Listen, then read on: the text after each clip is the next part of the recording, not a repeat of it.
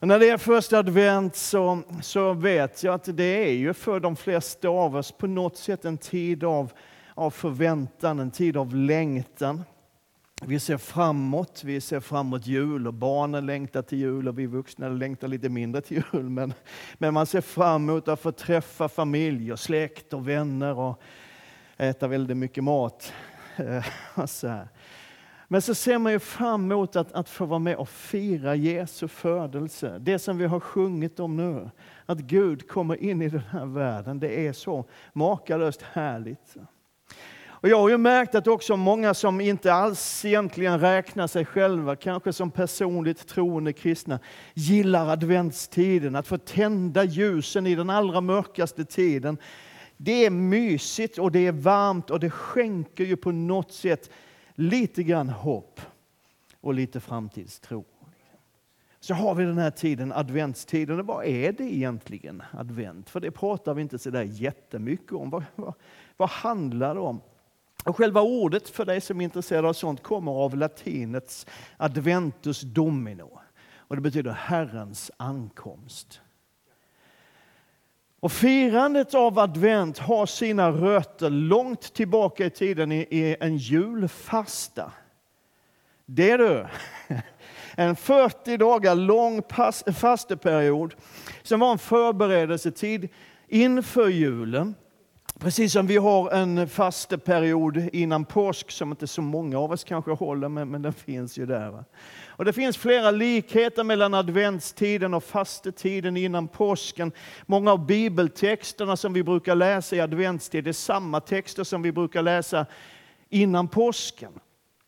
Och man vet inte exakt när adventsfirandet infördes, men det finns belagt ända tillbaka till 400-talet, den här julfastan.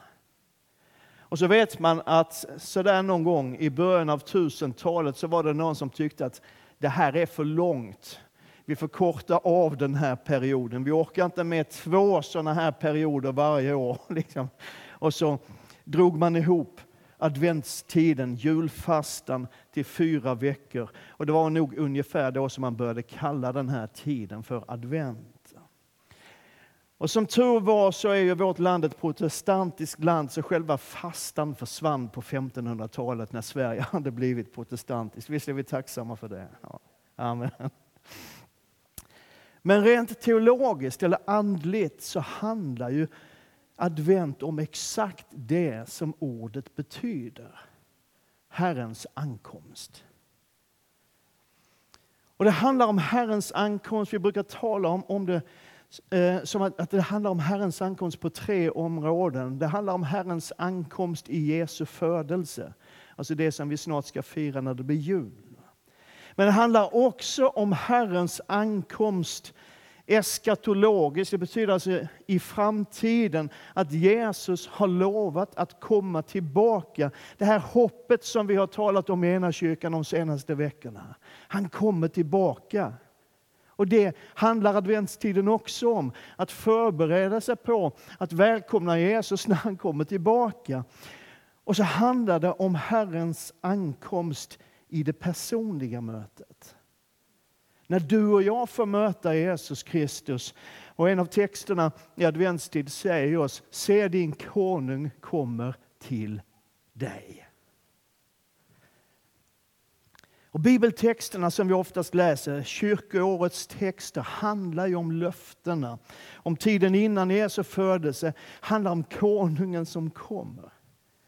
Och jag älskar många av de texterna, men faktiskt för mig så är det en annan text, en som faktiskt inte finns med bland kyrkoårets tre årgångar av texter, som jag allra mest förknippar med advent. Och Det är en text som på ett alldeles fantastiskt sätt sammanfattar evangeliet och berättar för oss vad allt sammans handlar om. Och vi ska strax läsa en bit av den, men innan vi gör det så skulle jag vilja knyta samman den med en av de allra vanligaste texterna som läses under den här tiden av året. Det är en text som innehåller löftet som sedan blir uppfyllt genom evangeliet.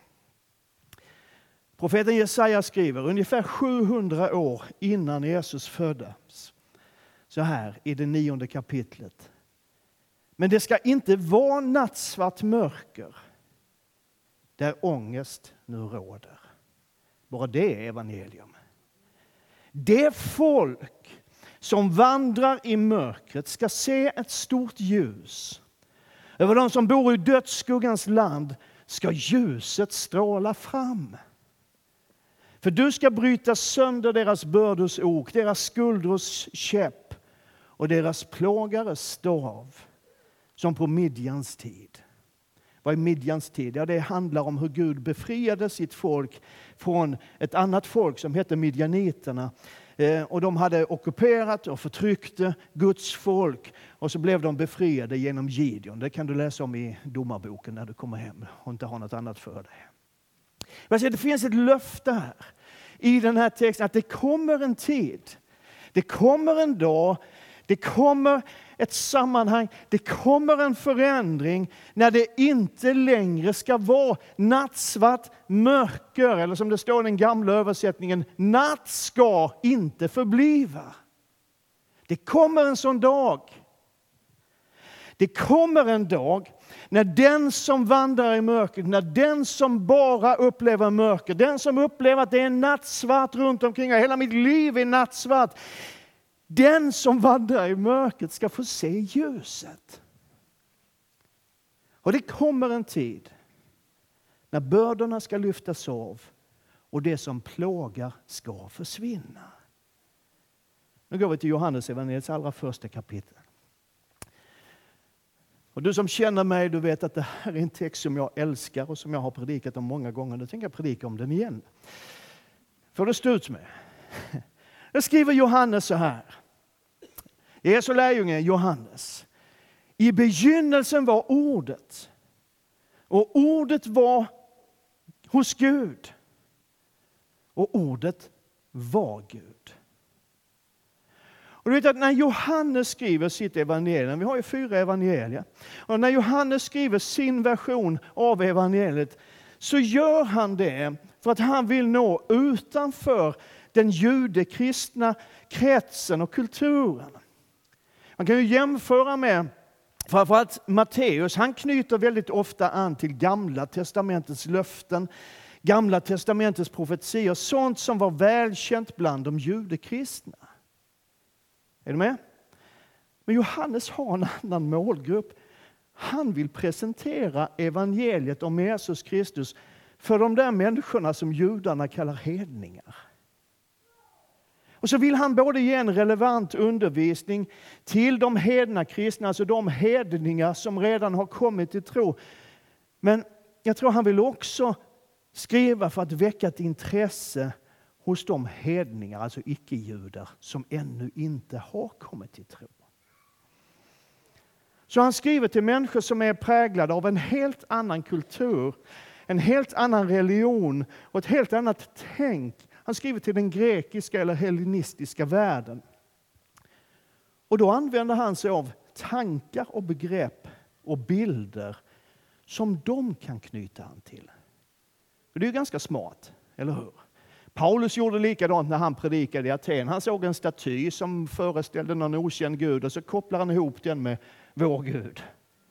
Alltså man bara tar någonting så här, det här kan du nog relatera till. Och så kör man på.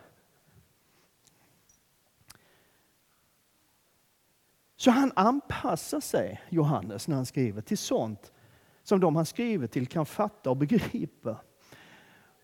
Och hela hans evangelium är anpassat på flera olika sätt för en annan målgrupp än den judiska världen.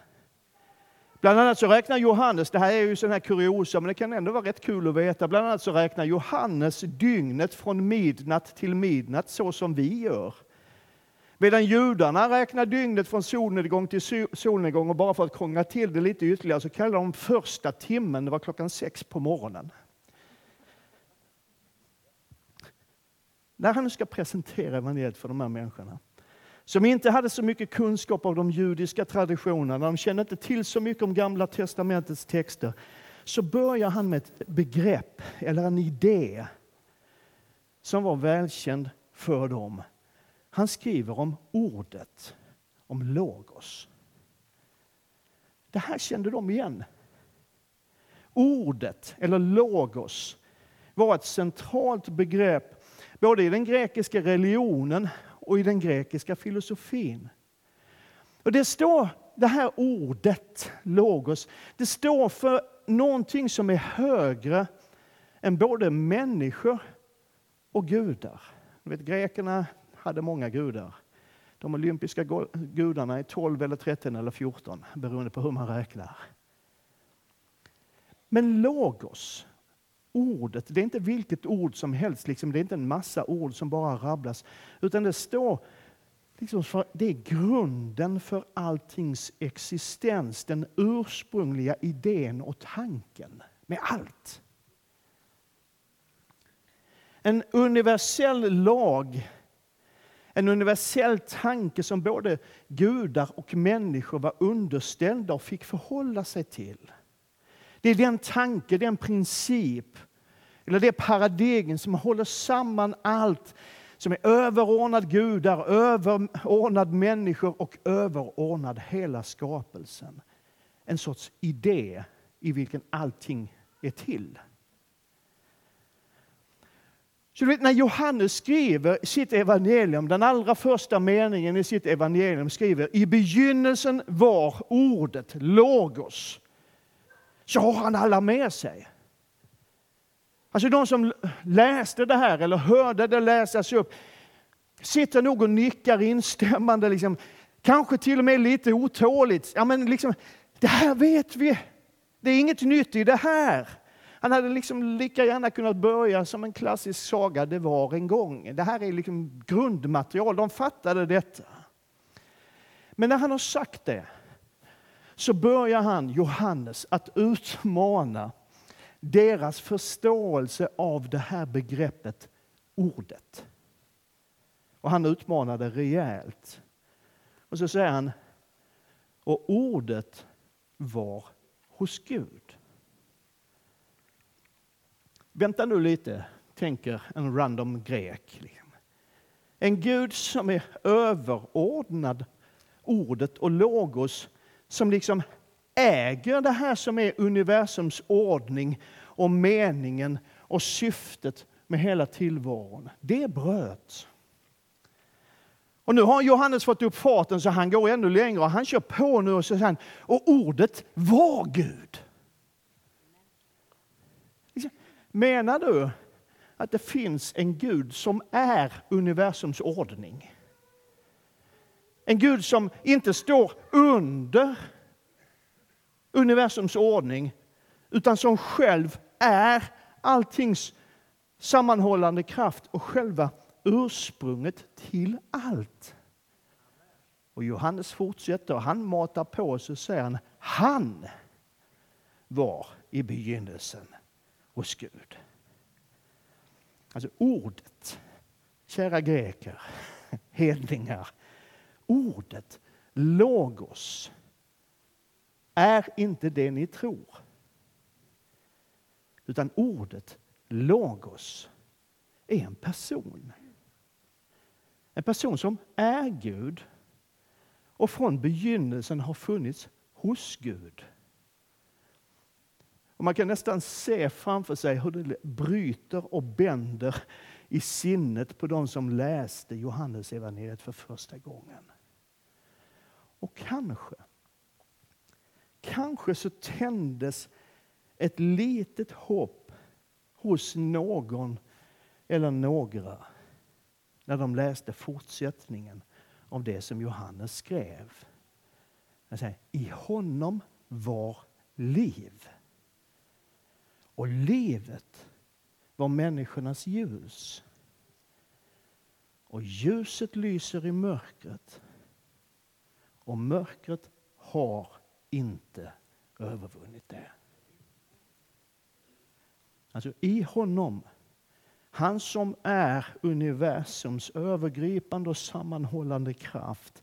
Han som är skaparen av allt. I honom finns ett liv som är långt mer än en existens. Ett liv som skänker ljus och mening och hopp till människor. Och vet du, skriver Johannes, att det ljuset är så starkt att det helt enkelt inte finns tillräckligt mycket mörker för att släcka det. Det är vad Johannes skriver. Nu är det inte säkert att en random grekisk hedning som läste det här blev så där jätteimponerad. Han eller hon eller hen kan ha tänkt att det spelar väl inte så stor roll. Det hjälper liksom inte om ordet logos är en gud. För det fanns ett problem med gudarna i den grekiska mytologin. Och det var ju de gudarna man kände till. Man hade liksom uppfattningen att gudarna lever i en sorts parallell värld med ganska lite koppling till den mänskliga världen. Och man kunde ju, om man hade tur, temporärt vinna någon Guds välvilja genom offer eller gåvor och olika riter. Men i så fall så var det för att den där guden själv kunde få ut någonting av det. Och det fanns ett talesätt som var ganska vitt sprätt över den grekiska hellenistiska världen. Där man sa att gudarna bryr sig inte. De har sitt och vi har vårt. Och ganska ofta så leker de med oss och spelar sina spel med oss. Men det är egentligen bara för deras egna syften och bara ibland för att det är kul. Men i grunden så bryr sig gudarna inte om oss. Har du varit där någon gång?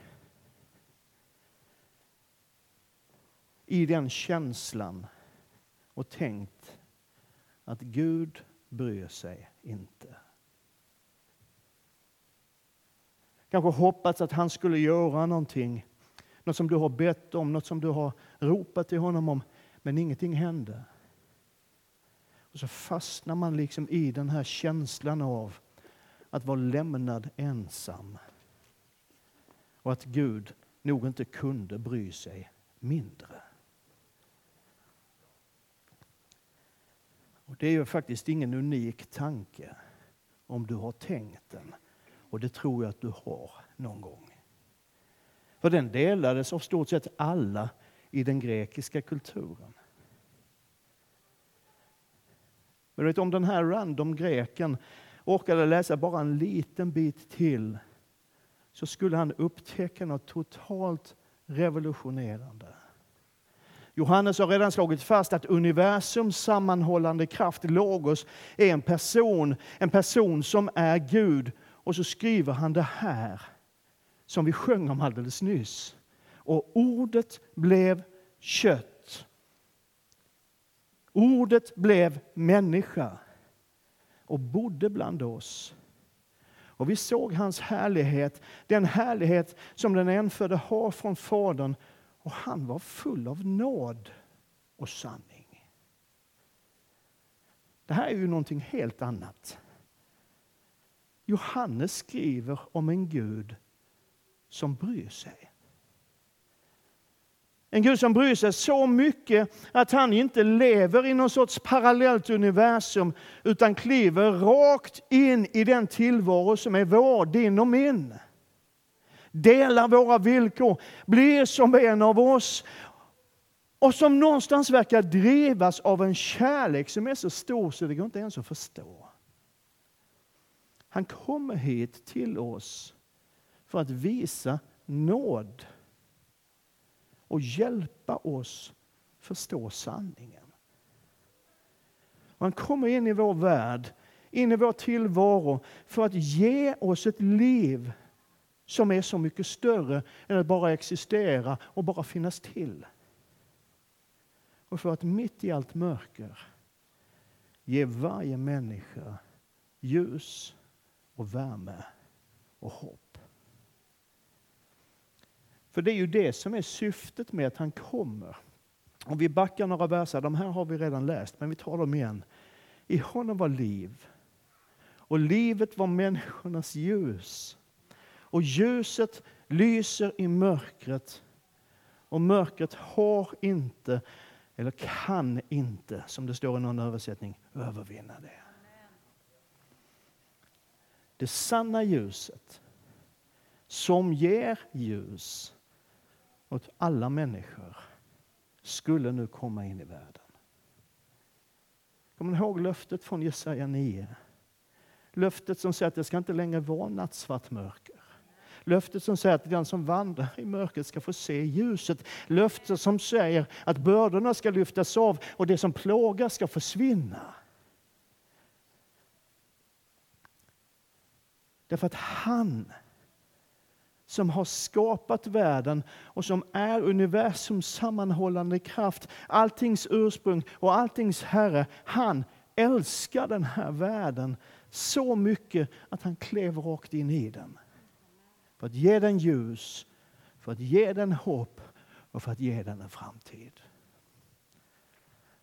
Och Jesus sa om sig själv, jag älskar det här citatet ifrån Johannes evangeliets 12 kapitel. Jag har kommit till världen som ett ljus för att ingen som tror på mig ska bli kvar i mörkret. Natt ska inte förbliva. Det ska inte vara nattsvart mörker där ångest nu råder. Ingen som tror på Jesus ska vara kvar i mörkret. Det var därför han kom. Och det var därför han föddes. Och det är själva kärnan i evangeliet, att mörkret måste ge vika för ljuset. Vi lever i en kultur, jag vet inte om du har tänkt på det någon gång, antagligen har du inte det, men nu talar jag om det för dig. Vi lever i en kultur och i en tid som på ganska många sätt påminner om den som rådde när Johannes skrev sitt evangelium. Så många människor som du och jag möter, om vi sätter oss ner och pratar lite djupare, så många människor som känner sig helt utlämnade till sig själv. Och för några år sedan så läste jag ett par rapporter som ville tala om för oss att svenskarna är världens ensammaste folk. Det finns ingen nation på jorden där det är så många ensamhushåll per capita som Sverige. Ja, vi tror knappt på några gudar. Och om vi gör det så spelar det ganska liten roll för vår vardag, för de allra flesta människor. För våra liv. Och vi har lärt oss att klara oss själva, att lita till vår egen förmåga, att bygga vår egen tillvaro. Själv är bäste dräng. Och så har vi skapat en tillvaro där allt ska mätas, där allt ska vägas och allt ska jämföras. Och där, du, där den du är liksom bara räknas i förhållande till andra. Och ibland är det, om jag får svartmåla en liten stund till, jag tycker det kan vara roligt ibland. Alltså ibland är det ju som att sociala medier har ersatt mänskliga relationer och kanske till och med ersatt vår tro på en Gud som bryr sig. Så vi lägger ut våra bilder och våra stories och våra reels och liksom vädjar till en okänd högre makt att se mig och gilla mig och bekräfta mig så är vi fångade, inte i gamla grekiska gudasagor, men i moderna myter och legender om vad som egentligen betyder någonting. Den evangelietext som är föreslagen för idag, första söndagen i advent, är hämtad från Lukas evangeliet. Och Den handlar om hur Jesus kommer till sin hemstad Nasaret, går till synagogan och han där läser ett stycke ifrån Jesaja kapitel 61. Och när han har läst det stycket så ser han sig omkring på de som var församlade där och så säger han fritt översatt nu då, det här handlar om mig. Nu är jag här. Och så här skriver Lukas om det som hände. Han reste sig för att läsa ur skriften. Man räckte honom profeten Jesajas bokrulle. Och när han öppnade rullen fann han stället där det står skrivet Herrens ande är över mig. För han har smort mig till att förkunna glädjens budskap för de fattiga. Han har sänt mig att utropa frihet för de fångna och syn för de blinda, att ge de förtryckta frihet och förkunna ett nådens år från Herren. Och varje punkt i den texten handlar om förändring. Det handlar om hur någonting som är dåligt byts ut mot något som är bra. Och Det som är så fascinerande att se i det här, det är att jag inser liksom att det Jesus talar om riktar sig till de allra svagaste, de marginaliserade, de som egentligen inte har så värst mycket hopp. Och han talar om förändring. Att det behöver inte vara som det är. Att det finns ett hopp. Han säger faktiskt att han har kommit för att skapa förändring. Och Det ligger väldigt mycket i vad teologen och författaren Jimmy Wallace skriver när han säger att ett evangelium som inte försöker förändra världen funkar bara för de som inte behöver någon förändring. Evangeliet betyder förändring. Evangeliet om Jesus Kristus för med sig förändring.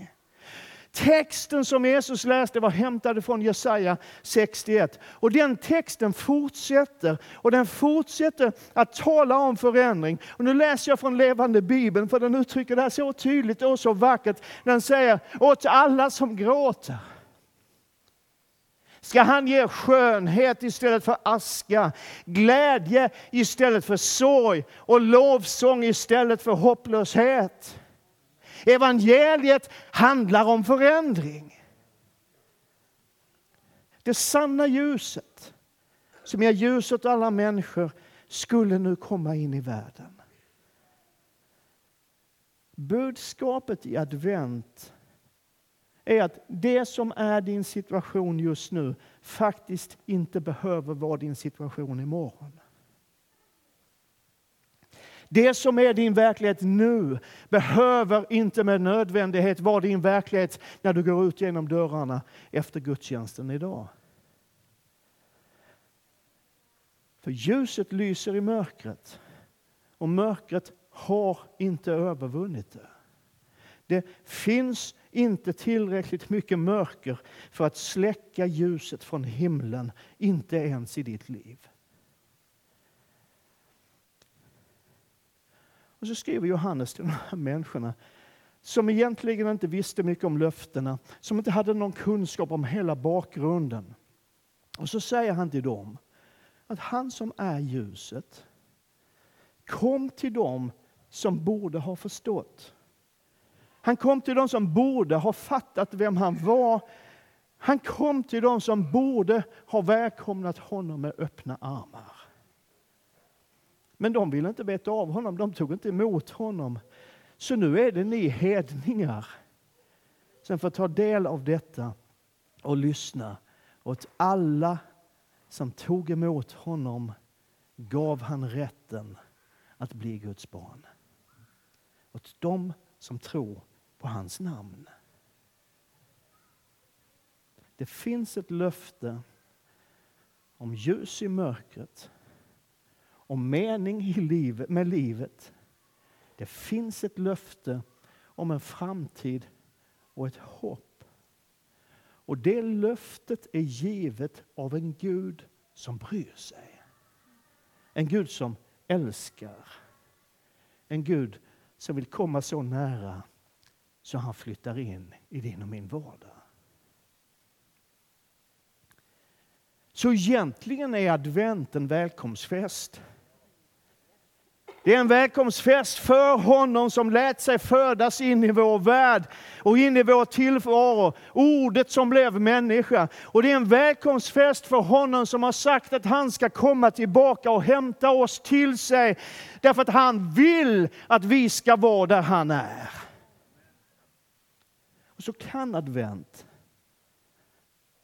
få vara ett välkomnande in i ditt liv in i mitt liv, in i din situation, in i min situation till han som är det liv som ger människorna ljus. Det sanna ljuset som ger ljus åt alla människor skulle komma in i världen. Amen.